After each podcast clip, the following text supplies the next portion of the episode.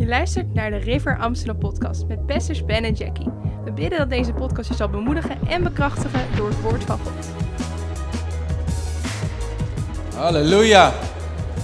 Wie is er blij dat je gekomen bent vanavond?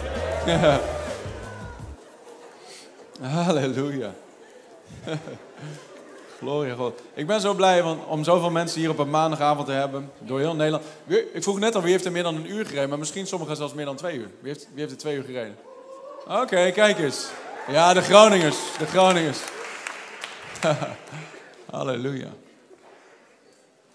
Vanavond mijn, eh, mijn boodschap. Ik duik gelijk de boodschap in. Is eh, bijbels, of, eh, kenmerken van echte bijbelse opwekking. Want veel mensen die, je, hoort, je hoort opwekking, hoor je overal rondgeslingerd worden. Het is nogal een term die nogal veel gebruikt wordt. Maar wat is nou echte bijbelse opwekking? Daar gaan we naar kijken vandaag. Je zegt, ja, wat heeft dat met mij te maken? Heeft alles met jou te maken. Want jij bent een, jij bent een revival drager. Amen. En elke van die, ieder van die kenmerken, waar we zo meteen doorheen gaan, zijn kenmerken die jij met je mee mag dragen in jouw soep, om het zo maar te zeggen. We zeggen dat altijd tegen de Bijbelschoolstudenten, dat God een soep aan, in je aan het brouwen is en hij wil er allerlei ingrediënten in plaatsen. Het is het verlangen van de Heilige Geest dat al die ingrediënten erin zitten. Want als je een paar ingrediënten mist, dan smaakt het niet zo lekker.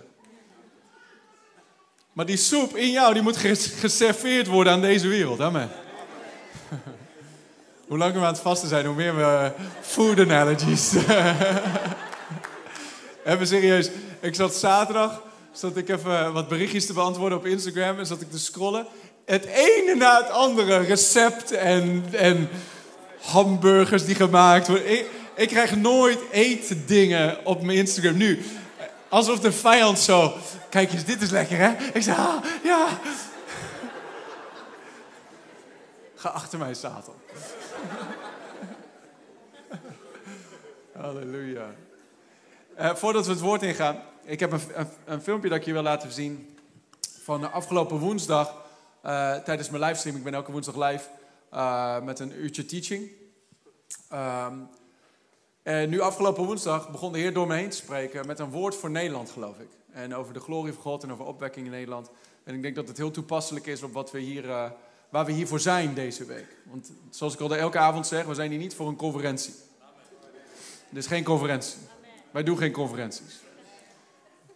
Misschien af en toe een, eh, een, marriage conference of zo. Maar, hè? Oh ja, volgende maand, februari.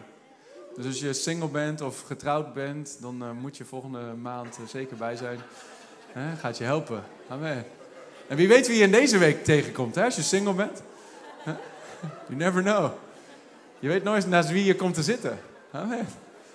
Maar als ze simpelweg een Bijbel hebben, met allemaal kleurtjes erin en zo, betekent niet dat ze. Check het wel even. Dat dit ook daadwerkelijk een geestelijk persoon is. Maar ehm, ehm, dit is niet, niet een conferentie, dit is een revival flow. Een, een, een- rivier die stroomt. Een, een, een flow waar we samen instappen. Daarom zeggen we ook, elke avond bouwt weer voort op de vorige. Omdat we gaan steeds dieper samen. Mensen komen binnen, zitten nog met allemaal gedachten en eh, dit, dat, dat. Maar als je helemaal induikt, je, wordt zo, je raakt zo eigenlijk de gedachten van het vlees kwijt. Je gaat door dat voorhangsel van het vlees ga je heen, als het ware. En ga je echt Gods aanwezigheid binnen. En daar is wel tijd voor nodig. Mijn vrouw las net de tekst uit Jezaja hoofdstuk 40. Zij die wachten op de Heer. In zekere zin is dat wat we aan- wat we aan het doen zijn. Niet passief wachten, maar een actief verwachten. Zij die de Heer verwachten. Zij zullen nieuwe kracht ontvangen. Dat is wat revival is. Halleluja, nieuwe kracht, verse olie. Je beker die overstroomt. Zodat je heel 2024 kan rennen met het vuur van de Heilige Geest. En impact kan maken op jouw wereld. Halleluja. Oh, halleluja. Maar in ieder geval, we hebben een filmpje willen laten zien. En dan eh, zijn we zo terug. Maar ehm rol Zalving. Manda ribos sepravakatia paradesti. Dank u, Jezus. Oh, halleluja. Manda labose paradisti him paravakati. Oh, brasinti. Want de dagen van opwekking liggen niet achter ons voor Nederland. De dagen van opwekking zijn ook niet voor ons ver in de toekomst. De dagen van de opwekking zijn nu. Ja, we stappen er zelfs in nu. Zeg niet morgen. Zeg niet volgend jaar. Zeg niet in latere tijden. Maar nu in deze generatie is waarin ik wil bewegen met mijn geest. Ja, ik ben al aan het bewegen met mijn geest. Door heel het land heen. En door heel deze generatie heen. Maar ik zoek naar mensen. Beschikbare vaten. Die zeggen, oh heren. Oh Heer, ik verlang naar u met heel mijn hart. Ik verlang naar uw wil te doen, oh heren. Hier is mijn lichaam. Hier zijn mijn handen, hier zijn mijn voeten. Om uw wil te doen, o Heer. Oh, en je zult versteld staan van wat ik kan doen door een beschikbaar vat. Zeg niet, hoe kan God mij gebruiken? Zeg niet, wat kan ik nu doen? Want ik ben niet op zoek naar perfecte mensen. Ik ben op zoek naar mensen die zeggen, oh Heer, ik ben beschikbaar. Ik ben u, ik ben niets. En u mag alles zijn in mij. O Heer, ik leg mijn leven in uw handen. Ga uw gang in mij.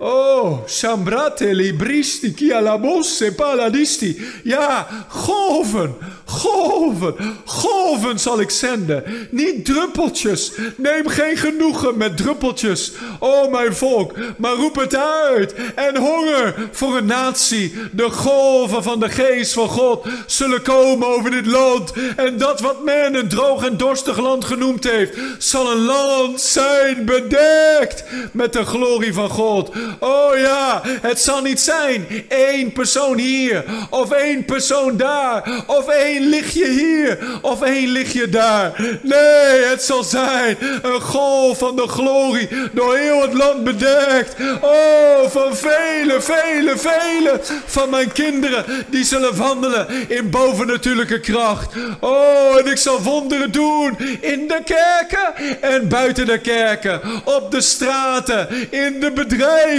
op de markten, overal waar mensen zijn. Daar zal ik zichtbaar worden door de kracht van mijn Heilige Geest. Oh, dus zeg niet, ik ben te jong, ik ben te oud. Wat kan ik nu doen? Nee, zeg gewoon, Heer, ik ben beschikbaar. Heer, ik ben bereid. Oh, en weet dat ik zo bereid ben om te bewegen door jou heen. Het enige wat nodig is, is honger en dorst en volledige onderwerping en toewijding. Oh, halleluja. Shambra devre baba sibra tale mostaye. Oh, dit zal een tijd zijn van nieuwe wijnzakken. Nieuwe wijnzakken. Nieuwe wijnzakken. Oude wijnzakken die wegvagen. Waar mensen zullen vragen, waar is dit gebleven? Maar nieuwe wijnzakken die zullen ontspringen. En uit elke denominatie, niet één of twee denominaties. Elke denominatie zal nieuwe wijnzakken voortbrengen. Want het zal niet het werk zijn van een denominatie. Het zal het werk zijn van mijn Heilige Geest. Oh, en ik heb mensen in iedere denominatie. Oh, zelfs in plekken waar andere mensen over gesproken hebben. Het is afgeschreven. Nee, nee. Ik heb, ik heb nieuwe wijnzakken die ik aan het oprichten ben. In iedere plek die nieuwe wijn voortbrengen. En vele dorstigen zullen komen en zullen drinken van de nieuwe wijn van mijn Heilige Geest. Oh, en heel het land zal staan in grote vreugde en in groot feestvierend ter wille van mijn naam. Oh ja, er zal ook grote vervolging zijn. Grote vervolging. Grote vervolging. Ja, grote vervolging. Maar wees niet bevreesd, want ik ben met je. Ik ben om je heen als een muur van vuur. Om je uit te redden en om je te verlossen. Geen woord dat tot je gesproken is zal enig effect hebben. Want ik ben een muur van vuur rondom je. Oh, wees niet bevreesd. Want ik zal je mond geven van wijsheid. Oh, van wijsheid die geen mens zal kunnen weerstaan. Ja, wijsheid. Als ze over je spreken in de kranten en in de nieuwsbladen en op de straten en in de buurten. Wees niet bevreesd, want ik ben met je. Oh, halleluja. Manta librosse telemamasi. Oh, Vader, we geven u eer en glorie. We geven u alle eer en alle glorie. We geloven, it is done. In Jezus' naam. Oh, we geloven dat we er deel van mogen zijn met z'n allen. In Jezus' naam. Oh, halleluja. Amen. Wie gaat er deel van zijn? Amen. Anders zou je niet op een maandagavond zitten. Amen. Let's dive in the word. We gaan naar Handelingen 2, vers 37. Halleluja. Bij wie doet dat wat in je hart als je die, die woorden hoort? Stir something up. De sceptici zeggen, oh, dit zeggen ze al jarenlang. Dat zeggen ze al jarenlang. Ja, maar, maar, maar God wil altijd bewegen. God wil ook al jarenlang. We wachten niet op Hem. We wachten niet op Hem. Hij wacht op ons. Big difference. Sommige mensen hebben dat idee van opwekking is een soeverein ding van God, dat God ergens in zijn wil doet op zijn tijd. Maar door alle geschiedenis heen en door de Bijbel heen zie je dat mensen hongerden naar God. En door hun honger dat ze een connectie maakten met de kracht van boven. Halleluja. Op de Pinksterdag zelfs. Jezus had zichzelf levend vertoond aan, aan 500 mensen tegelijk. Meer dan 500 mensen tegelijk. Maar op de Pinksterdag waren er 120 bij elkaar. Waar waren die andere 380 gebleven? Het duurde even. Ze wachten op de Heer. Tien dagen lang. En toen plotseling kwam dat geluid als van een geweldige windvlaag. Vulde heel het huis waar ze gezeten waren. Tong als van vuur zette zich op in ieder van hen. Ze werden alle gevuld met de Heilige Geest. Ze begonnen het allemaal uit te spreken in nieuwe talen. En Petrus begon te spreken en 3000 zielen werden gered. Opwekking, boom, begon daar. En opwekking is nooit gestopt vanaf die dag. Want de Heilige Geest is nooit verdwenen. Het is niet dat hij komt en gaat en weer weggaat en dan een paar honderd jaar weer weg is en dan weer komt. Kiekeboe, hier ben ik weer. Nee, hij is altijd. Hij is overal over deze wereld aan het bewegen. Sommige mensen zeggen, ja, maar hij doet het in dit land of hij doet het in dat land. De Heilige Geest heeft geen paspoort nodig.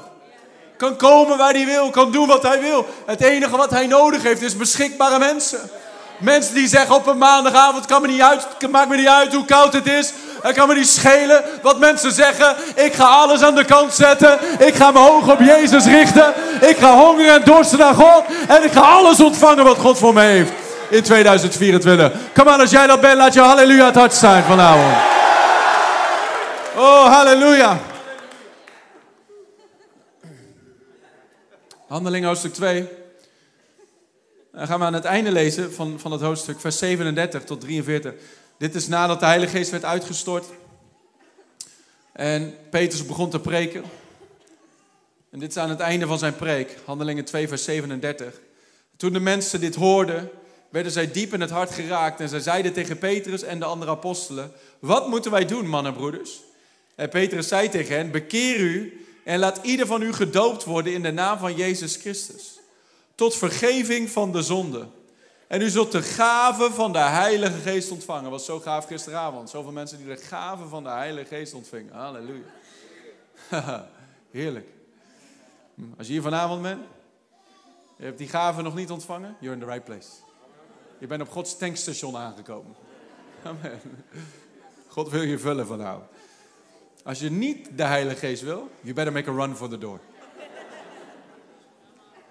Geef je tickets voor deze week aan iemand anders. U zult de gave van de Heilige Geest ontvangen, want voor u is de belofte, en voor uw kinderen en voor alle die veraf zijn, zoveel als de Heere onze God ertoe roepen zal. En met veel meer andere woorden legt hij getuigenis af. Het spoorde hij hen aan met de woorden, laat u behouden uit dit verkeerde, verkeerde geslacht. Zij nu die zijn woorden met vreugde aannamen, werden gedoopt en ongeveer 3000 zielen werden op die dag aan hen toegevoegd. Oh, wie kan dat zien voor Nederland in één dag? Eén altaar zo boem. Duizenden mensen. Halleluja. God is niet veranderd. En zij volharden in de leer van de apostelen, dat is belangrijk. En in de gemeenschap, ook belangrijk. Mensen zeggen, ja, ik kan kerk ook alleen doen, bij mijn moeder thuis in de garage. Wat een onzin. Welke Bijbel lees jij? De Bijbel zegt, verzaak je samenkomsten niet. Des te meer nadat je de dag van Jezus terugkomt, dichterbij ziet komen. Zij in het Nieuw Testament, zij volharden in de leer van de apostelen en in de gemeenschap. In het breken van brood en in de gebeden. We hebben elkaar nodig. Helemaal als we de wereld duisterder zien worden. De Bijbel spreekt er duidelijk over in Jezaja hoofdstuk 60 dat de wereld duisterder wordt. Donkere wolken bedekken de volken. Maar over u zal zijn licht opgaan. Over u zal de glorie van God zichtbaar worden. Halleluja. En er kwam vrezen over iedereen en er werden veel wonderen en tekenen door de apostelen gedaan. Halleluja. Vandaag een aantal kenmerken van echte bijbelse opwekking. Nummer 1, kenmerk nummer 1 van opwekking is zielen worden gered.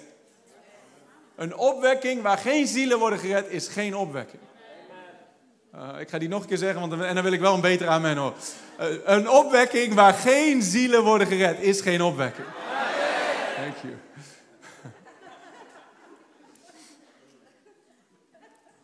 Jezus' voornaamste missie. De zoon des mensen is gekomen om te zoeken en te redden dat wat verloren is. Dus als je vol van Jezus wordt, wat is opwekking? Opwekking is falling in love with Jesus all over again. Terugkomen bij je eerste liefde. Weer helemaal in vuur en vlam komen met Jezus. Dus als je vol van Jezus bent, wat ga je dan doen? Zoeken en redden dat wat verloren is. Dat is het eerste kenmerk van opwekking, dat je opgewekt bent. Als het je geen bal kan schelen wat met verloren mensen gebeurt, dan vraag ik me af hoe het met je redding zit. Hallo? Dan is het tijd dat dat vuur een beetje aangewakkerd wordt. Dan is het tijd dat er een beetje verse olie op komt. En vanavond misschien, als je lauw bent geworden op dat gebied, vanavond kan het vuur van de Heilige Geest je weer helemaal aansteken. Zodat jij, als jij deze zaal uitgaat, mensen anders gaat zien. Mensen gaat zien door de lens van de eeuwigheid. Halleluja. Dat je mensen gaat zien en dat je bewogen wordt over mensen. Van waar gaat die heen als die zou sterven? Waar gaat die heen als die zou sterven? Waar gaat mijn collega heen als die doodgaat? We zagen het gelijk in handelingen. 3000 zielen werden gered, direct nadat de Heilige Geest uitgestort werd. Mensen rennen vaak achter wonderen en tekenen Achter allerlei spectaculaire dingen. Maar uiteindelijk moet het allemaal leiden naar de oogst. Zelfs wonderen en tekenen zijn de dinnerbel voor de last. Het is zo'n ding, ding, ding aan tafel. God leeft, Jezus leeft. Kijk, hij leeft. Gaat om de oogst. Ezekiel 47. Daar heeft de profeet Ezekiel een beeld, een visioen van de tempelbeek, van de rivier die uit de tempel vloeit. Ik ga niet het hele stuk lezen. Maar hij ziet die, die, die beek begint bij de troon van God. En dan begint hij een beetje eh, ondiep. En dan wordt het steeds dieper en steeds dieper en steeds dieper. En de engel leidt hem die beek in. En eerst gaat hij enkel diep. Dan gaat hij knie diep, gaat hij heup diep, gaat hij kopje onder. Hebben we een krachtig lied over trouwens, uh, hier bij de River. Die wordt eind deze maand uitgebracht.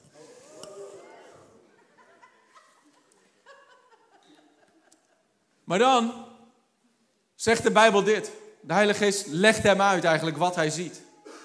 Ezekiel 47, vers 8 en 9. Dan zegt, de Heer zei tegen mij, dit water stroomt weg naar het oostelijke gebied en stroomt in de vlakte naar beneden en komt in de zee. In de zee uitgestort wordt het water gezond. En het zal gebeuren dat alle levende wezens die er wemelen, overal waar, een van, van deze, waar deze rivier komt, zal leven. Daar zal zeer veel vis zijn, omdat dit water daarheen komt. En alles waarheen deze beek komt, zal gezond worden en leven. Overal waar die rivier stroomt, zal er leven komen. Maar wat staat er? Die, die rivier begint bij de troon van God, maar die wordt steeds dieper naarmate die rivier dichterbij de Dode Zee komt. Hij stroomt naar de Dode Zee toe. Het is een beeld van de rivier in ons binnenste. Gisteravond hebben we het gehad over Johannes 7, vers 37 en 38. Jezus zei, als iemand dorst heeft, laat hij tot mij komen en drinken. En uit zijn binnenste zullen rivieren van levend water stromen. Die rivier van Ezekiel komt in je binnenste. Halleluja. Niet een druppeltje, een hele stroom. Zie, als je gered wordt, krijg je een bron in je binnenste. Dat is voor jou bruisend, bruisend met eeuwig leven, levend water. Maar als je gedoopt wordt in de Heilige Geest, krijg je een hele rivier in je binnenste. En dat is niet voor jou, dat is voor iemand anders. Oh, halleluja. Dat de rivier door je heen gaat stromen. Maar waar stroomt die rivier heen? De rivier stroomt naar de zee, naar de dode zee, waar niks kan leven. Dat is een beeld van de wereld. Het is een beeld van de verloren wereld, zondige mensen. Dan staat er daar waar die als de rivier daar in die zee uitgestort wordt, zal het water tot leven komen. Halleluja. En daar zal zeer veel vis zijn. Spreekt over de oogst. Toen we net begonnen met onze Ablaze Tour door Nederland heen, waren we in Friesland geweest. Met een weekend van diensten daar. En die nacht had ik een droom. Uh, aan het einde van dat weekend. En in die droom, jullie, sommigen van jullie hebben het al duizend keer gehoord, maar sommigen van jullie is de allereerste keer hier. Maar in die droom stond ik zo hier zo en ik zei: Ga met me mee naar Joel 3, vers 13. En ik begon ze te bladeren in mijn Bijbel en ik zei: Joel 3, vers 13. En ik begon nerveuzer en nerveuzer te worden, want ik kon Joel niet vinden. Dat is niet zo wonder als je ooit Joel hebt geprobeerd te vinden. is best lastig te vinden. Maar ik kon hem echt niet vinden. Ik werd hartstikke nerveus. En toen werd ik wakker. Uit mijn droom. Wat denk je dat ik ging doen?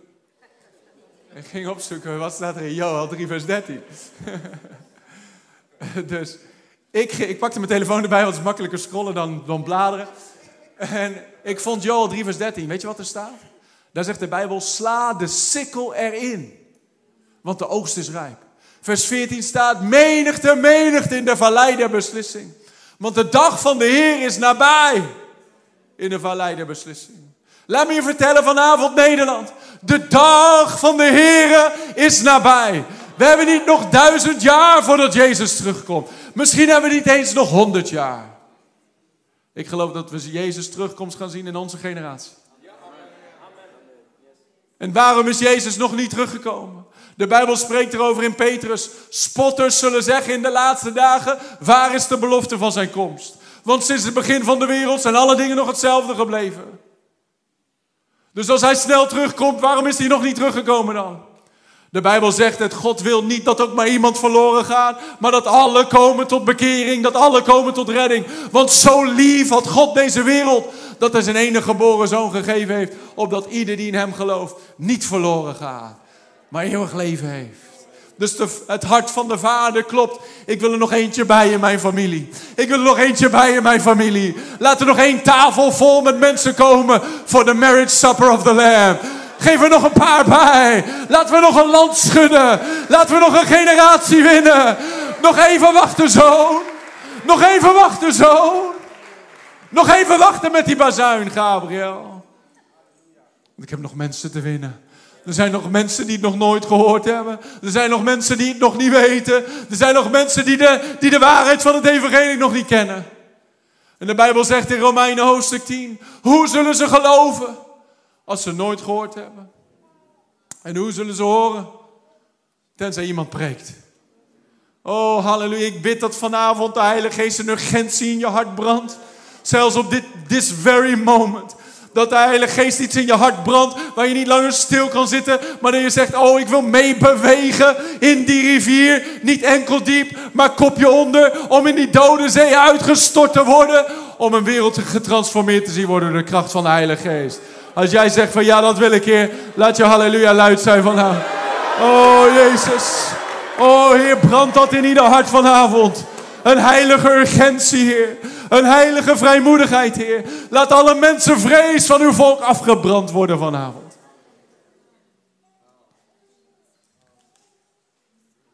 Ik bid dat je mensen gaat zien door de lens van de eeuwigheid.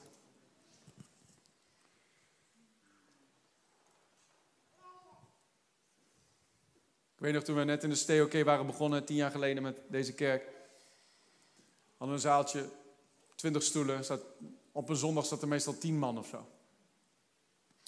Ik weet nog een keer dat ik zo geïrriteerd was en ontmoedigd en gefrustreerd. Ik zei, Erik, heb, u hebt me een grote roep gegeven, een grote visie. U hebt gesproken over de dam en dijken breken en het land bevloeit met uw heerlijkheid. En ik zit hier met tien mensen in een zaaltje.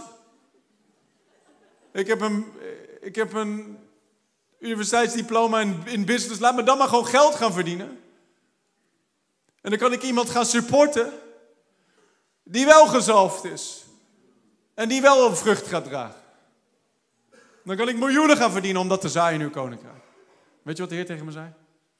De Heer zei, Ben, kijk naar die tien mensen. Toen ik stierf aan het kruis, stierf ik niet voor geld. Ik stierf voor individuen. Eén zo'n persoon die voor je neus zit. Hij zei, hij zei dit, deze tien mensen zijn voor mij meer waard dan een bedrijf van 10 miljard per jaar. Dat is letterlijk wat hij tegen me zei. En toen veranderde alles voor mij. Zo, halleluja, dank u voor deze tien, Heer. En nu hebben we een paar van die tien die zitten hier als pastors. Halleluja.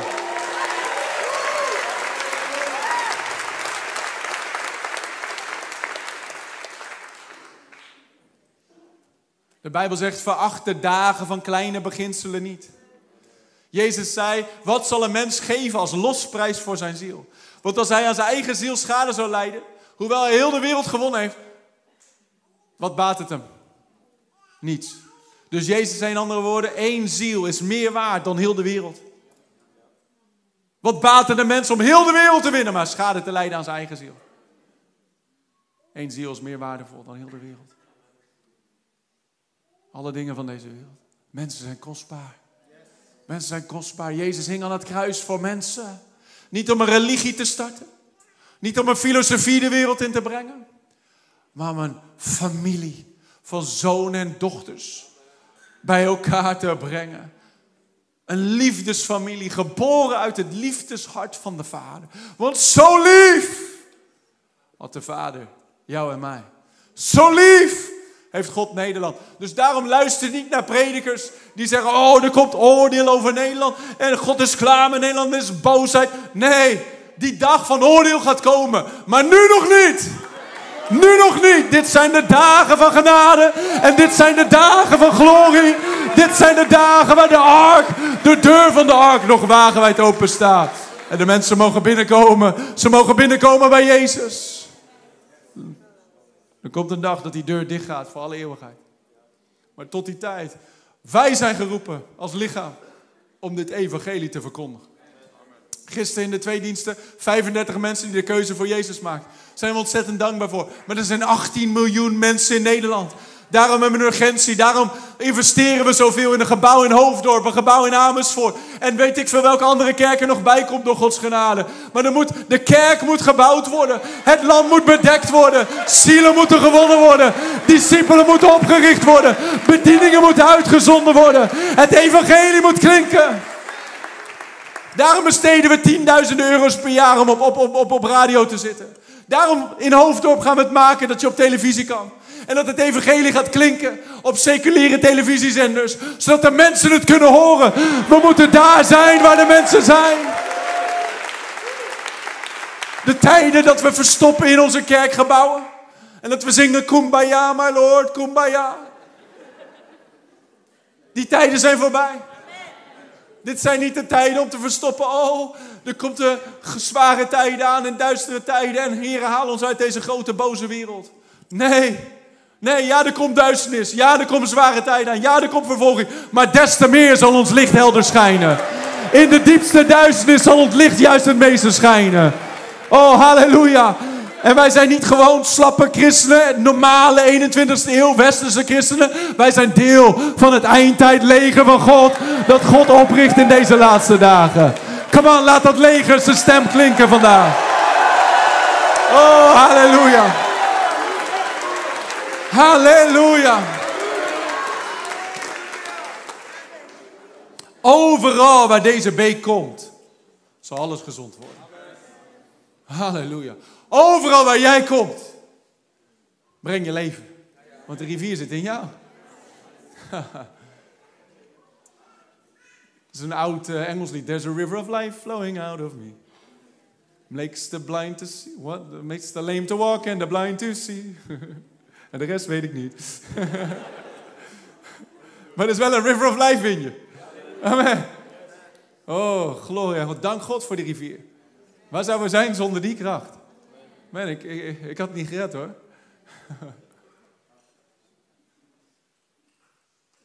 ik las over Charles Finney. Wie heeft wel eens van Charles Finney gehoord? Charles Finney was een, een, man van God die machtig gebruikt werd in de 19e eeuw in, in, in Amerika. De Second Great Awakening. De jaren 1800. En uh, hij was een advocaat, jonge, jonge vent, maar hij, hij ging naar kerken toe en dan probeerde hij levend geloof te vinden. Hij probeerde vrede te vinden voor zijn ziel, maar hij vond het niet, ook niet in de kerk. En hij vroeg aan verschillende van die kerkleiders, hij vroeg aan, uh, jullie bidden wel, maar het lijkt net alsof jullie niet eens verwachten dat je antwoord op je gebed gaat krijgen. Dus hij zei, dit is allemaal een beetje nep. Maar als ik de Bijbel lees, dan zie ik iets ergs. En hij werd zo onrustig in zijn ziel, want hij, weet je, de Bijbel, de Bijbel zegt dat God de eeuwigheid in de mensen geplaatst heeft. God heeft eeuwigheid in ze geplaatst. Dus ieder mens heeft, die, heeft een soort bewustzijn van er is meer dan wat we zien hier op aarde. Dus hij werd zo onrustig van, ik heb geen vrede met God. En ik ben bang om te sterven en, en, en, en ik kan niet leven zo. En die, die, die burden werd zwaarder en zwaarder en zwaarder. En uiteindelijk zei hij, ik vind het antwoord niet in de kerk. Ik, niemand geeft me het antwoord, dus ik ga maar het zelf uitworstelen met God. Dus er liep een heel Hense dorp uit, een, een bos in. En hij zei, als ik dit bos, ik kom dit bos niet uit zonder een antwoord te krijgen. Dat is honger. Dat is dorst. Sommige mensen zeggen, ja, nou ja, als God het wil, dan uh, zal hij het wel doen. Maar God beweegt niet bij passieve mensen die gewoon achteroverleunen. Reinhard Bonke zei het goed. God, God doesn't sit with the sitters, he moves with the movers. Halleluja. Dus Vinnie ging dat bos in als een jonge advocaat. En dan zei hij, kom dit bos niet uit zonder antwoord. Hij knielde neer. En probeerde de woorden te vinden, maar hij kon geen woorden vinden. En elke keer keek hij over zijn schouder, want hij dacht elke keer dat hij iets hoorde, dat misschien mensen me konden horen en zo. En op een gegeven moment zag hij zijn eigen dwaasheid. Ze van, oh, ik ben meer bevreesd over wat mensen van me gaan denken, dan dat ik nou werkelijk connect met God. Dat is misschien een woord van een van jullie vanavond. Who cares wat mensen van je vinden? Laat God maar doen wat Hij wil doen in je leven. Amen. Een week zoals dit kan je leven radicaal transformeren. Als je God een groot werk in je kan laten doen, dan zal Hij een groot werk door je heen doen.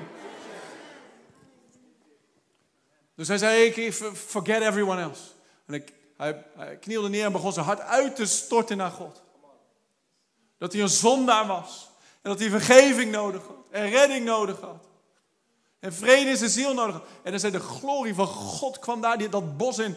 En raakte hem aan. En hij werd radicaal wedergeboren in dat bos. Halleluja.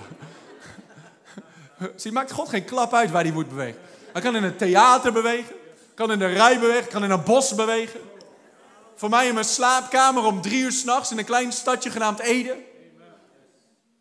Maakt God niet uit. Het enige wat hij, waar hij naar zoekt is hongerige mensen. Mensen zeggen, oh heren, ik wil geen dag langer zonder. Ik wil geen moment langer zonder. Ik heb de nieuwe wijn van uw Heilige Geest nodig. Ik heb het vuur van uw Heilige Geest nodig. Ik heb de kracht van uw Heilige Geest nodig. Ik heb de realiteit van de wedergeboorte nodig. En hij werd radicaal gered daar. En dan liep het bos uit. En dan liep daar zijn, uh, kantoor, kantoor in en de, de, de rechter liep ook net naar binnen. En, en hij zei van, mijn hoofd stond helemaal niet naar werk. En hij begon te twijfelen van, heb ik nou wel echt iets ontvangen en zo. Maar toen, het moment dat de, zijn collega's weggingen, ging hij weer ging die bij de open haard zitten in het kantoor. Toen hij alleen was. En toen, toen doopte de Heer hem met de Heilige Geest, daar in, in zijn kantoor. Hij werd radicaal gedoopt in de geest. En dan begon het uit te roepen en in tongen te schreeuwen, weet ik wat. En er kwamen verschillende mensen, die kwamen kijken wat er nou uh, allemaal aan de hand was. Mensen kwamen bidden, binnen en die, zagen hem, wat is er met jou aan de hand? En hij zei, hij zei, ik heb Jezus ontmoet. En ze vielen op hun knieën neer en zei, bid voor mij. En van dat moment begon hij rond te gaan en begon hij radicaal te prediken. En hij maakte een besluit. Hij zei: Ik ga niet naar plekken waar er al uh, krachtige kerken zijn en zo. Ik ga op zoek naar de verlorenen. En ik kwam naar een stad genaamd Rochester, New York. Ik heb daar één keer gepreekt. Is bovenin de staat New York, vlakbij Canada. Dat was toen een, een kleine stad. Maar in de regio 100.000 mensen. 100.000 mensen in die regio werden wedergeboren in zijn campagne daar. In de jaren 1800. Geen radio, geen televisie, geen social media. Het nieuws verspreidde zich rondom. Hij begon te preken. Mensen werden zo geraakt in hun hart dat ze uit hun stoel vielen, begonnen uit te roepen tot God. Sommigen hadden visioenen van de hel. Oh, ik ben een zondaar, ik moet gered worden. Er was één groep jonge gasten die kwamen binnen. Want een, uh, de leider van die groep, zijn zusje, die zat vooraan, op haar knieën vooraan bij het altaar tijdens de dienst. En die gaf haar leven aan Jezus daar. Maar de vrienden van die jongen die zeiden, hé, dat is je zusje, die zit daar in die kerk. Dus hij rende die kerk binnen en hij pakte zijn zusje, hij tilde haar over de schouder en bracht haar naar buiten. Hij zei, niemand in mijn familie gaat zo'n gekke christen worden. Weet je wat er gebeurde? Later die week was die jongen aan het werk op het veld. Een klein wolkje vormde zich boven hem. Bliksem sloeg in op hem. Hij dood. Don't mess with God. Was een groep van een andere groep jongelui die kwamen om te bespotten. Die hadden allemaal bedreigingen, die, hadden, die bespotten de meeting. Bij een van de collega's van Charles Finney stond op en hij zei: Deze week, of jullie gaan je bekeren, of sommigen van jullie gaan dood omvallen. Je zegt, waar staat dat in de Bijbel? Hebre uh, Handelingen 13. We hebben het over de glorie van God, hè? Die, die, de glorie van God die het land bedekt. Daar hoort ook bij.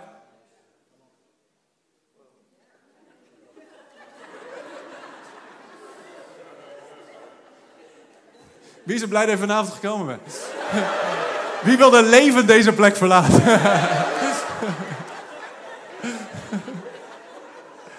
ik ging naar het tropen en ik uh, viel onder de kracht van God, dacht ik. Maar iedereen dacht dat ik onder de kracht van God lag, maar ik eigenlijk doodgevallen. Niemand die het merkte in een dienst zoals deze.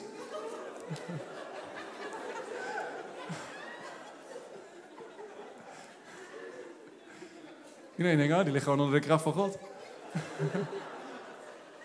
Kom, morgenavond zit je hier nog steeds zo. Weet je wat er gebeurde? De leider van die groep jongen, die kwam later die week, overdags kwam die. Zei van, oh, mijn hart heeft geen rust meer. Ik moet Jezus ontvangen. Werd bekeerd, wedergeboren. Hij vroeg, wat moet ik nu doen? En Vinnie zei tegen hem, vertel het al je vrienden. En hij begon al zijn vrienden te vertellen over Jezus. En de een naar de ander werd gered. In plaats van dat ze dood omvielen, werden ze allemaal gered. Halleluja. Honderdduizend mensen in een regio. Als God dat kon doen in de jaren 1800, wat zal Hij nu doen in deze laatste dagen? We leven in de tijden van de versnelling van de oogst. Dat de oogst sneller groeit dan we kunnen planten. Oh, halleluja. Acceleration. It's harvest time. Zeg het op, it's harvest time. It's harvest time. Jezus zei in Johannes hoofdstuk 4, hij zei, niet nog vier maanden en dan komt de oogst. Maar hef je ogen op en zie, de velden zijn wit om te oogsten. Halleluja. Hij zei, de oogst is wel rijp, maar de arbeiders zijn er weinig. Bid daarom de heren van de oogst, dat hij arbeiders uitzendt in zijn oog. Ik ben zo dankbaar voor alle arbeiders hier in dit huis. Mensen die radicaal elke zaterdag, elke week de straat op gaan. Mensen over Jezus vertellen. Mensen die meedienen en meebouwen hier. Om, om, om ervoor te zorgen dat tientallen mensen elke week hun leven aan Jezus kunnen geven. Arbeiders in de oogst. Maar ik bid dat in ieder die mijn stem kan horen vandaag, hier in deze zaal en online, dat je een arbeider in de oogst wordt. Dat over honderd jaar, dat je leven waarde heeft gehad. Over honderd jaar kun je niks meenemen van wat je hier hebt op aarde. Je neemt je auto niet mee. Je neemt je pensioenfonds niet mee. Je neemt je huis niet mee. Je geniet van al die dingen. Maar je neemt het niet mee. Naakt en rimpelig ben je de wereld ingekomen. Naakt en rimpelig ga je de wereld uit.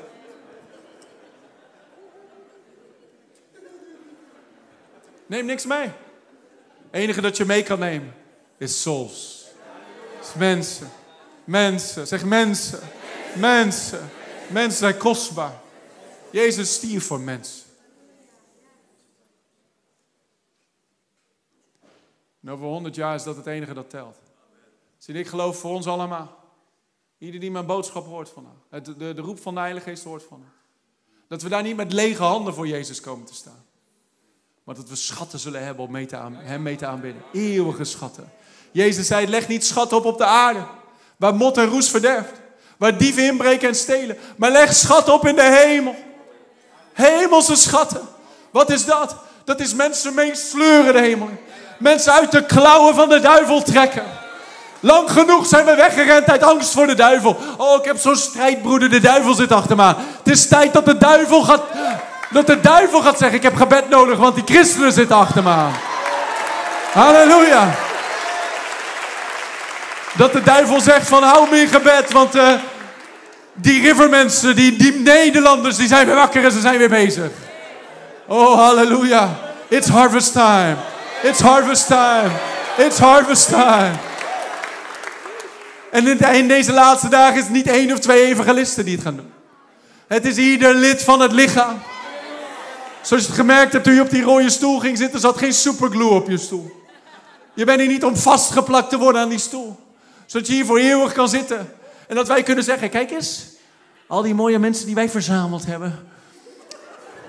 Dit is geen museum voor gelovigen. Dit is niet Madame Tussauds.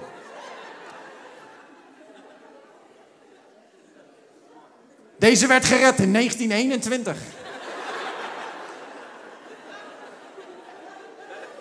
Deze zit al op deze stoel. Sinds 1965. Een 93-jarige die het geluid runt, kan niks meer horen. Een usher van 85.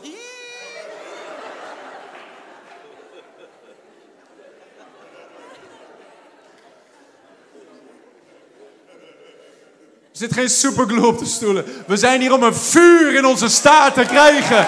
Zodat we kunnen gaan rennen en vernietiging aanbrengen in het kamp van de vijand. Oh, halleluja! Halleluja! Woe! Is dit maandagavond in Nederland? Maandagavond komen alle hongerige mensen, hè? Harvest time. Het eerste kenmerk van echte Bijbelse opwekking is dat zielen gered worden. Handelingen, de geest werd uitgestort, direct na, boom, 3000 zielen werden gered. Direct erachteraan nog 5000 eraan toegevoegd. Dan, hé, hey, jullie hebben de hele, hele stad op de kop gezet. Dan handelingen 19, heel Azië hoorde het woord. An ever increasing kingdom. Dat zich elke keer maar weer uitbreidt. God zit in de multiplication business. Vermenigvuldiging. Je begint misschien in eentje, maar God gaat je gebied vergroten. In 2024 gaat je gebied vergroot worden. Nu heb je misschien één of twee mensen die je meeneemt naar de kerk. Maar over een paar maanden en over een jaar heb je hele rijen vol mensen die je tot Jezus hebt geleid. Oh, jouw familie, jij en jouw huis, jullie zullen de Heer dienen. In Jezus' naam. Halleluja. Thank you, Jesus. Thank you, Jesus. Nummer twee kenmerk is er is een reinigend werk in de kerk. Dus de zielen worden gewonnen, maar er is tevens een reinigend werk dat plaatsvindt in de kerk. Veel mensen willen het vuur, maar wij zeggen altijd: het vuur maakt je puur. Weet waar je om vraagt. Het vuur brandt alles op wat niet van God is. It's a consuming fire. Het brandt alles vanzelf op. Het is een reinigend vuur. In Handelingen 3, vers 19.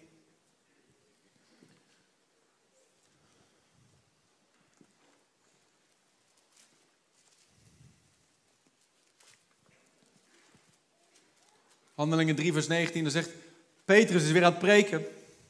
Hij zegt, kom dus tot inkeer en bekeer u, opdat uw zonden uitgewist worden en er tijden van verkwikking zullen komen van het aangezicht van de Heer.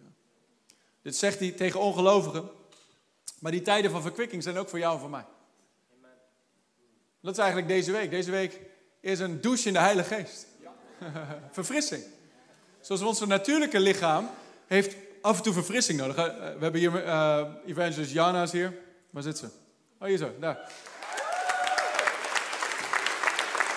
Heeft uh, een lange vlucht gemaakt. Maar na zo'n lange vlucht, wat wil je, die wil niks liever dan even douchen. Alles afspoelen. Verfrist worden, verkwikt worden. Maar veel mensen in het, in het geestelijke, lopen rond met dingen van een jaar geleden, dingen van twee jaar geleden, dingen van drie jaar geleden. Maar als je komt onder die stroom van de Heilige Geest, weet je wat er gebeurt? Je wordt verkwikt. Tijden van verfrissing. Tijden van verkwikking. Zelfs hier onder het woord vanavond. Wie, wie voelt zich verkwikt? Ik voel me verkwikt. Ik strompelde hier naar binnen. Zeven dagen niet gegeten. Zo, uh, maar ik voel me verkwikt vanavond. Halleluja. Tijden van verfrissing. Daarom, daarom sommige gelovigen stinken een beetje. Maar dat geeft niet. Want we halen ze gewoon door de wasseretten van God. Halleluja.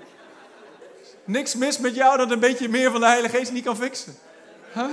Laat hem je schoon spoelen. Laat hem je reinigen en wassen met het water van het woord. Laat hem jou overgieten met die heerlijke olie die zo zoete geur is.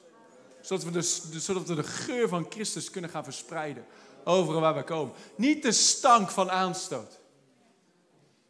Niet de stank van hoogmoed.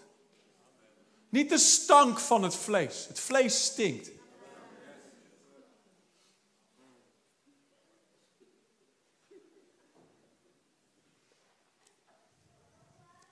In Malachi 3, vers 2 en 3, spreekt de Bijbel zijn profetisch woord over de komst van Jezus en wat hij kwam om te doen. kwam om te redden, maar kwam ook om te reinigen. Heb je nooit gelezen dat de Bijbel zegt, oordeel begint bij het huis van God? In openbaar, als je die brieven in openbaring leest, de brieven van Jezus Christus aan de zeven gemeentes. Een heel deel daarvan is like, hey, fix yourself before I come. Eén daarvan in openbaring 2 zegt hij, ik, ik, ik, zie al je werk, ik zie al de goede dingen die je doet, maar ik heb een ding tegen je. Je bent je eerste liefde kwijtgeraakt. Dus bekeer je en doe de eerste werken. Kom terug bij die eerste liefde. Dat is revival. Terugkomen bij je eerste liefde. Falling in love with Jesus all over. Verkwikt worden, verfrist worden. Dat het weer gaat stromen. Sommige mensen is dat zo, lijkt zo ver weg van hen. Van, oh ja, toen ik net bekeerd was, man, toen was ik zo on fire. Toen kon ik mijn mond niet houden over Jezus. Toen was ik zo hongerig naar het woord. Maar nu is het een beetje gewoon geworden. Ik weet nog toen ik mijn leven aan Jezus gaf. Ik ga zo Malachi lezen. Maar ik weet nog toen ik mijn leven aan Jezus gaf. Ik was zo enthousiast voor Jezus. En ik kwam bij een vriend van mij. En die, uh, zijn vader was een, uh, een, docent op een beetje een reformatorische school. God zegen de reformatoren. Ook in die uh, denominatie gaan de nieuwe wijnzakken voortkomen. Halleluja. Maar ik kwam bij hem thuis en die, die, die vader zei op een gegeven moment, die werd zo geïrriteerd met mijn enthousiasme en mijn leven, weet je wel. Hoeveel weten nog, voordat je tot Jezus kwam, hoe irritant het was als iemand vol van het leven van Jezus was. Dat was irritant. Hè? Voordat ik, mijn leven aan Jezus gaf, elke keer dat ik van mijn studentenkamer naar mijn ouderlijk huis kwam, oh, ik was gelijk geïrriteerd. Oh, wat een irritante, vrolijke mensen. En, oh, wat geknuffel. Al het halleluja geroep. Al dat blijen. Laten we nou gewoon even lekker geïrriteerd zijn. Zo ben ik nou eenmaal.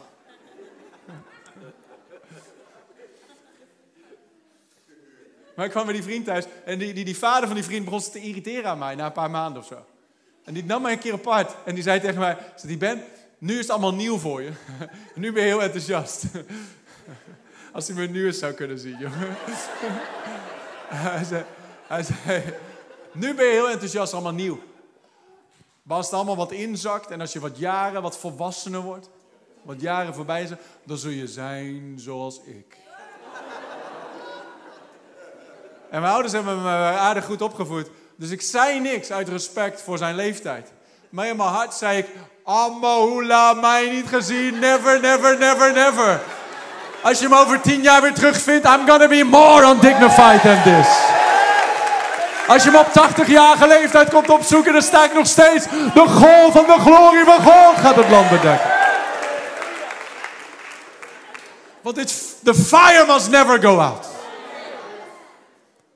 En ik wil niet, en ik hoop jij ook niet, een van die dwaze maagden zijn die geen olie in hun kruik hadden. Of maar een klein beetje. Laat je, je laat je olietank gevuld worden. Malachi 3 gevonden? Vers 2 en 3. We gaan geen tiende ophalen vanavond. Malachi spreekt over meer dingen dan de tiende. Mensen werden gelijk nerveus toen ik zei Malachi. Oh nee, gaan we weer.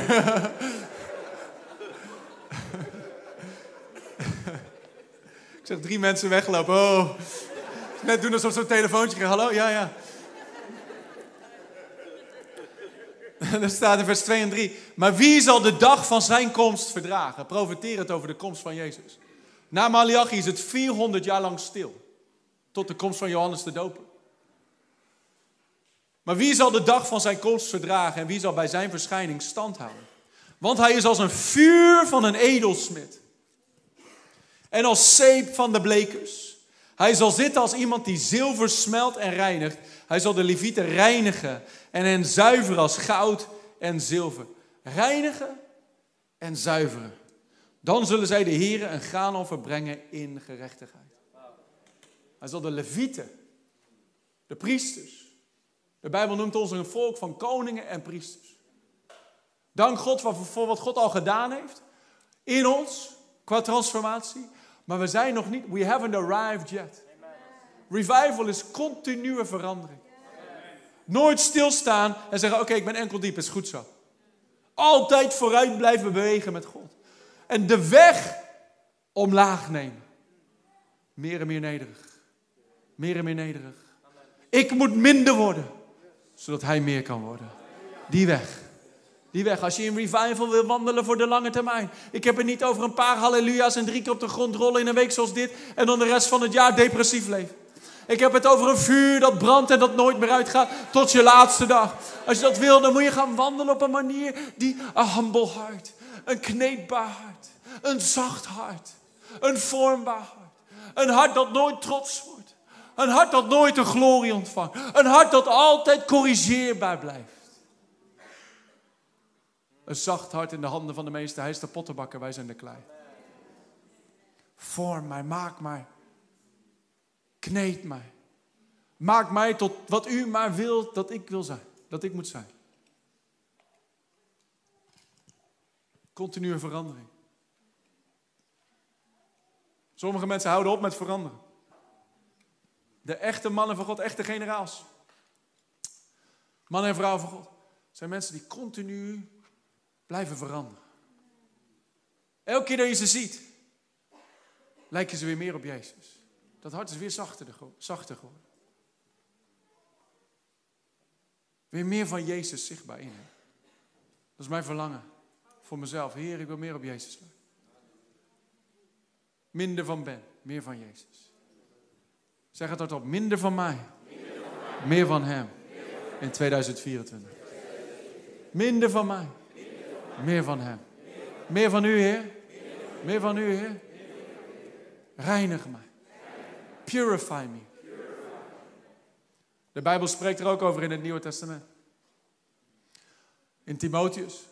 Dat in een groot huis zijn niet alleen eervolle vaten, eerbare vaten, maar ook oneerbare vaten.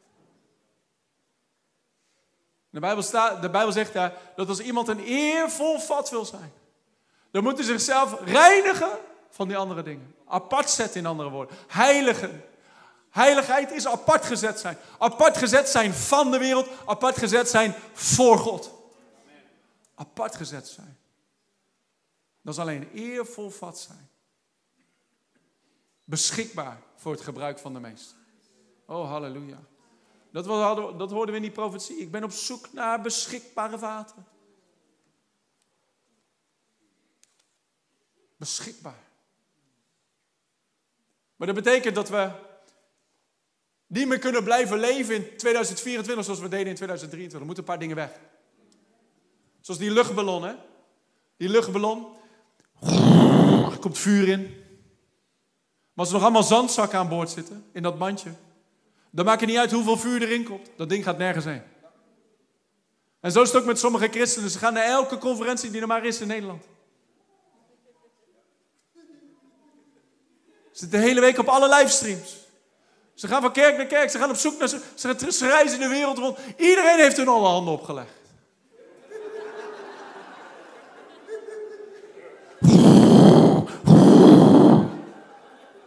Maar hun, hun leven vliegt niet.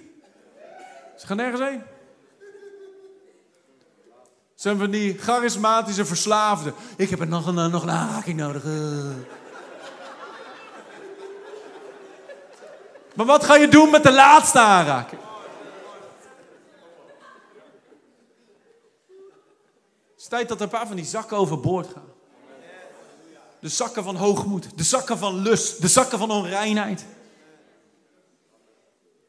De zakken van ondankbaarheid. De zakken van zelfzucht. We zeggen, Heer, ik wil, hier niet meer, ik wil niet meer lang opgescheept zitten met deze dingen. Ik wil vliegen met de Heilige Geest. Ik wil opstijgen op arendsvleugelen. Ver boven de storm zweven heel dit jaar. Moet een paar dingen overboord doen. Wij moeten minder worden, zodat hij meer kan worden. Daarnaast, die, die, die, dat mandje heeft misschien ook touwen die nog vastgeknoopt zitten aan, aan van die paaltjes hier op, op de aarde. In, paaltjes in de aarde, met van die touwen vastgeknoopt.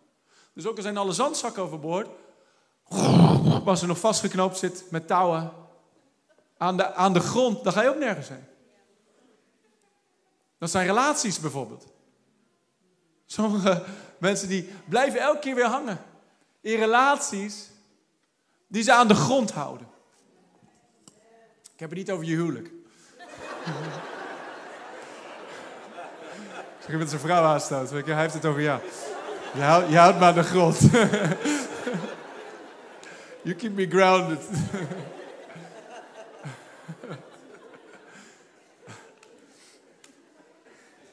Het is tijd dat wat dingen afgesneden worden. Sommige mensen gaan, gaan van bevrijding naar bevrijding. Ik heb bevrijdingsdienst nodig. Heel veel mensen hebben geen bevrijding van de duivel nodig, bevrijding van hun vlees nodig. Ze hebben hun eigen knuffelzonde. Waar ze nog zo graag aan vasthouden. Oh ja, maar dit is, mijn, dit is mijn favoriete zonde. Of dit is mijn favoriete stukje aanstoot.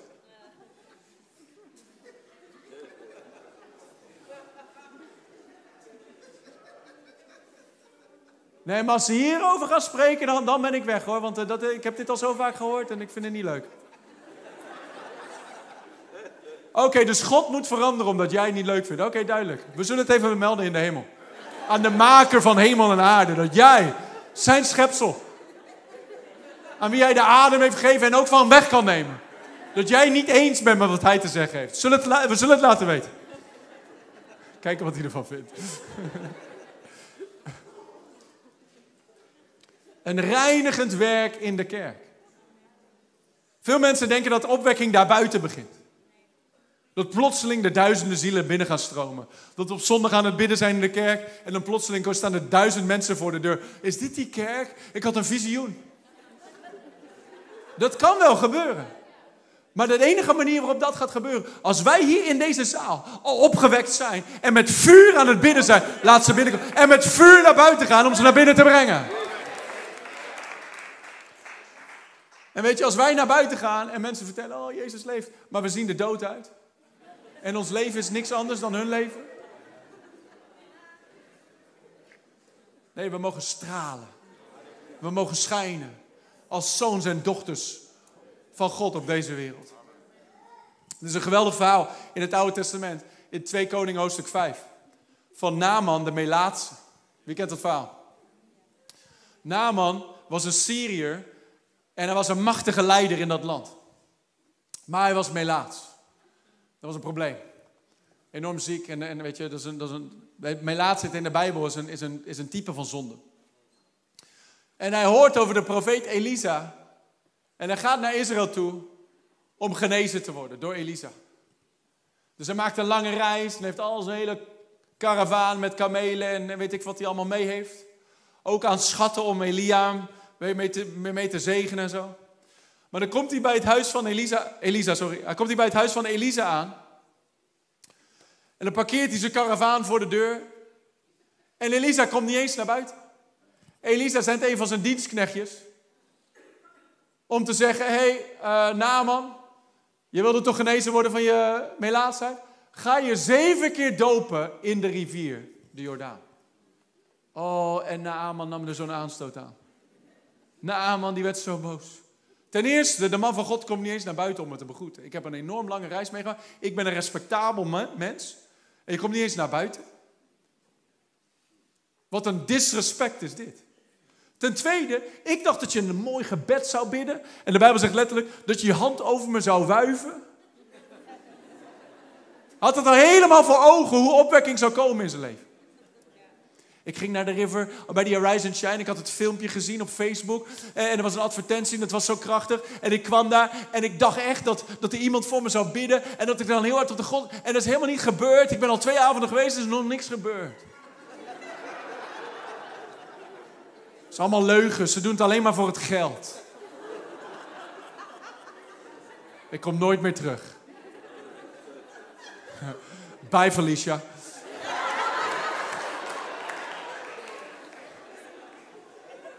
Nee, maar wij maken soms beelden van, zo moet het gebeuren. Zo gaat God het doen. Ik wil de hemel zich open zien worden.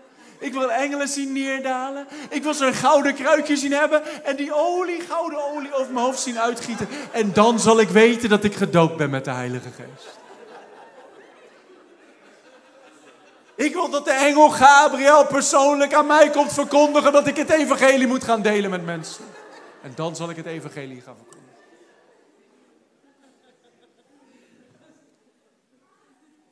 Oh, Thomas.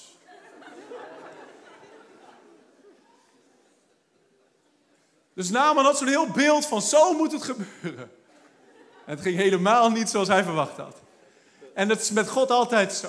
Als jij denkt het gaat op die manier, God gaat duizend andere manieren verzinnen om het te doen. Gewoon om te laten zien dat hij God is en jij niet. Amen. Halleluja. Daarom, tip van Flip, die krijgen er gratis bij. Focus je niet op een manifestatie. Zo gaat het gebeuren. Focus je gewoon op Jezus en ontvang gewoon wat Jezus je wil geven. Hoe dat er ook uitziet, who cares?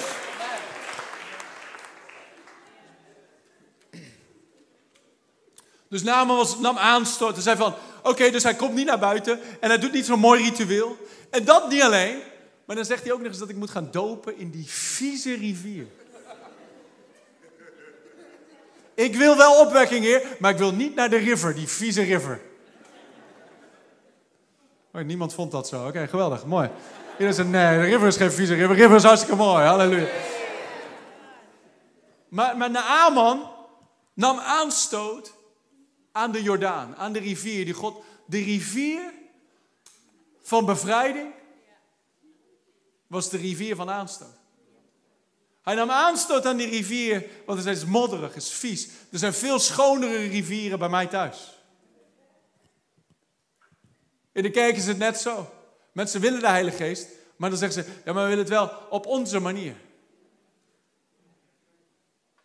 We willen het op gelikte wijze. En het moet er mooi uitzien, het moet acceptabel zijn voor mensen.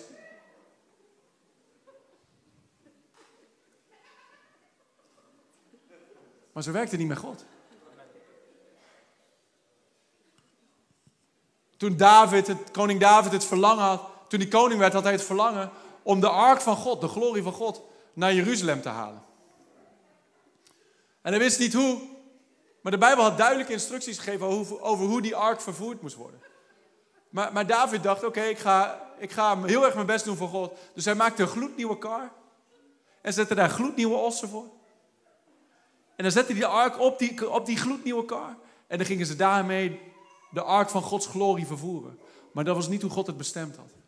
Het was allemaal gelikt, het was allemaal mooi, het was allemaal perfect. De perfecte lichten, perfecte geluid, prachtige ledschermen, rookmachines. Alles zag er geweldig uit.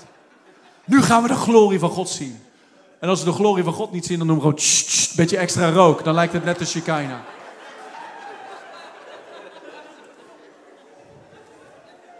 En er is niks mis met ledschermen en licht en zo hebben we ook allemaal.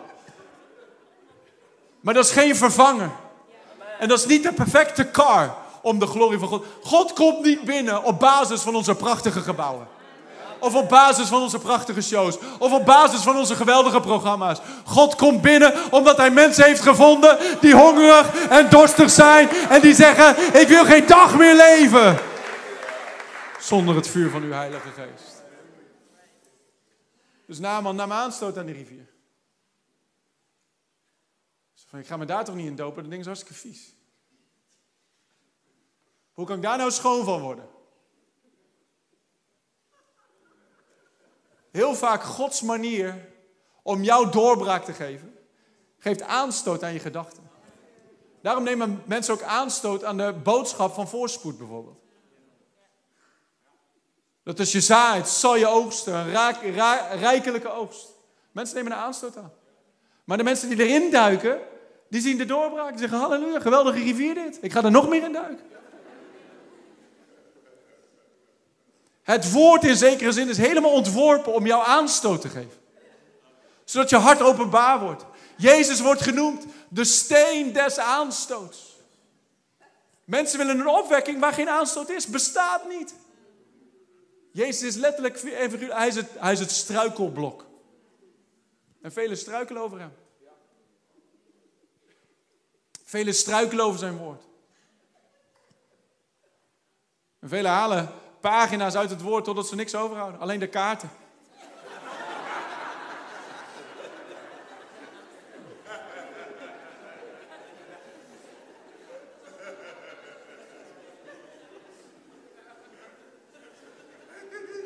Dus Naaman zei, ik ga er niet in dopen, zoals het vies. Maar daar in die plek die, waar hij op neerkeek, die hij in zijn gedachten, it didn't make any sense to him. Waarom vraagt God dit van me? Waarom moet ik in die rivier? Waarom zeven keer? Waarom in deze rivier en niet in een andere? Ik snap het niet, heer. It's not supposed to make sense. It's supposed to make faith.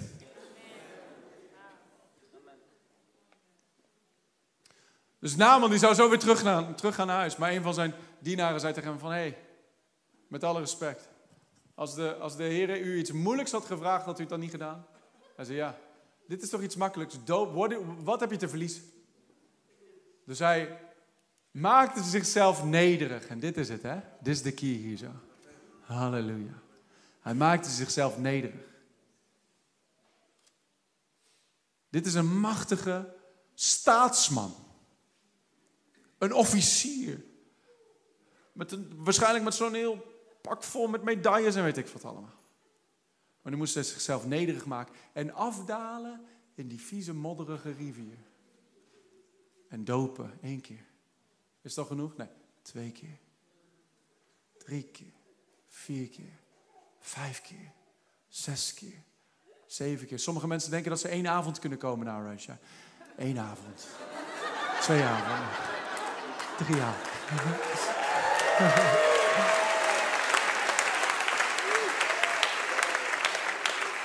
Nee, maar dit is wat er gebeurt. Je wordt ondergedompeld in de rivier van de Heilige Geest. Je wordt ondergedompeld in de rivier van vuur. Je wordt ondergedompeld in de rivier van vreugde. Je wordt ondergedompeld in de rivier van vrijheid. Je wordt ondergedompeld in de rivier van Gods kracht. Oh, je wordt ondergedompeld in de rivier van Gods bevrijding. Oh, en genezing en herstel. En als je uit die rivier komt, je bent helemaal schoon. Naaman kwam die zevende keer op uit het water. Zijn hele lichaam was helemaal schoon, alsof hij nooit melaats was geweest. Helemaal gereinigd. Dat is het werk dat Jezus wil doen. En ik daag in ieder van je uit om je te onder te dompelen. Dompen je onder in 2024 in het woord. In de kracht van de Heilige Geest. Niet eenmaal, niet tweemaal, zevenmaal. Het getal van de volheid. Laat je volop onderdompelen in alles wat God voor je heeft. Hou niks terug in 2024. Pak alles wat God te geven heeft. Oh, halleluja.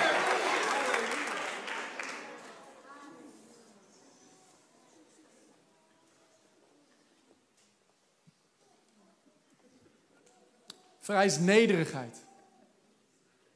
Om af te dalen die rivieren. Op avonden zoals dit ook vereist nederigheid. Om je hart te openen voor de Heilige Geest. Te zeggen, Heer, ik heb, ik heb meer van u nodig. Ik wil meer van u zien in mijn leven. Ik wil minder worden, zodat u meer kan worden. Minder van mij. En meer van u. In de oude Indiana Jones films is er één zo'n obstakel waar hij doorheen moet. En het, en het raadsel is, alleen de nederige man zal langs kunnen komen. Zo zit het raadsel alleen. Only the penitent man shall pass. Only the penitent man. En dan weet niet wat het is. Maar dan denkt hij opeens, oh, oh, penitent, nederig. Dus hij gaat plat op de grond liggen. En vlak nadat hij te plat op de grond gaat liggen, komt er zo'n zwaard. Zo, als hij nog een paar tellen langer was blijven staan, had hij een zwaard gehad dat hem helemaal dwars over midden had gesneden.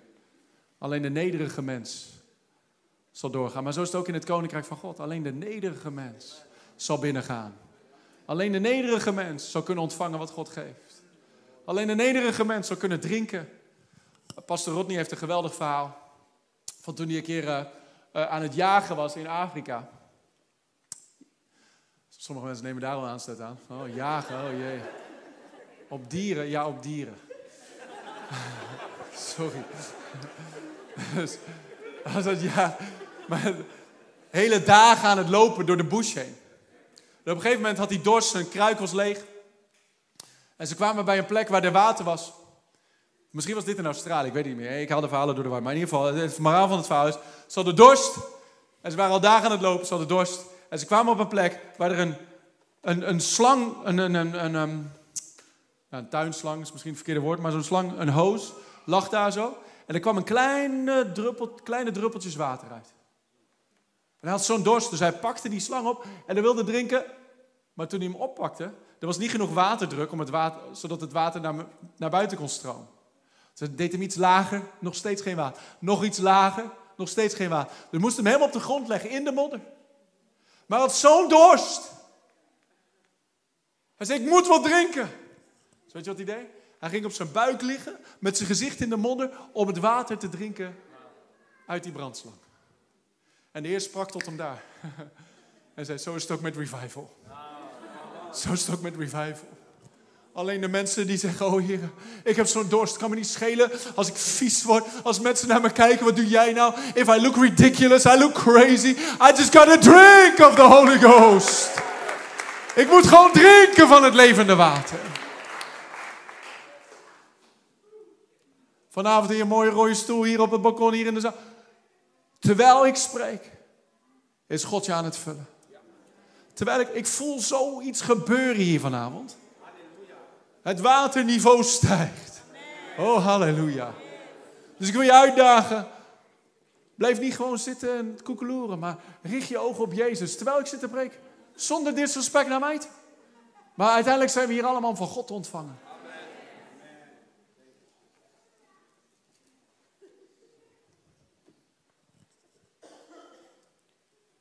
Kenmerk nummer drie. Opwekking gaat gepaard met grote vreugde of grote vervolging in de stad. We zagen in Handelingen 2 dat de mensen die zijn woord aannamen, het woord van Petrus aannamen, 3000 man. Zij namen het woord aan met vreugde. Bedankt voor het luisteren naar deze podcast. Als je ervan genoten hebt, deel deze boodschap dan via social media en tag ons at River Amsterdam. Wil je niks missen van onze nieuwe podcast? Zorg dan dat je abonneert op ons kanaal. En laat het weten hoe deze boodschap jou heeft bemoedigd. We zien je de volgende keer bij de River Amsterdam podcast.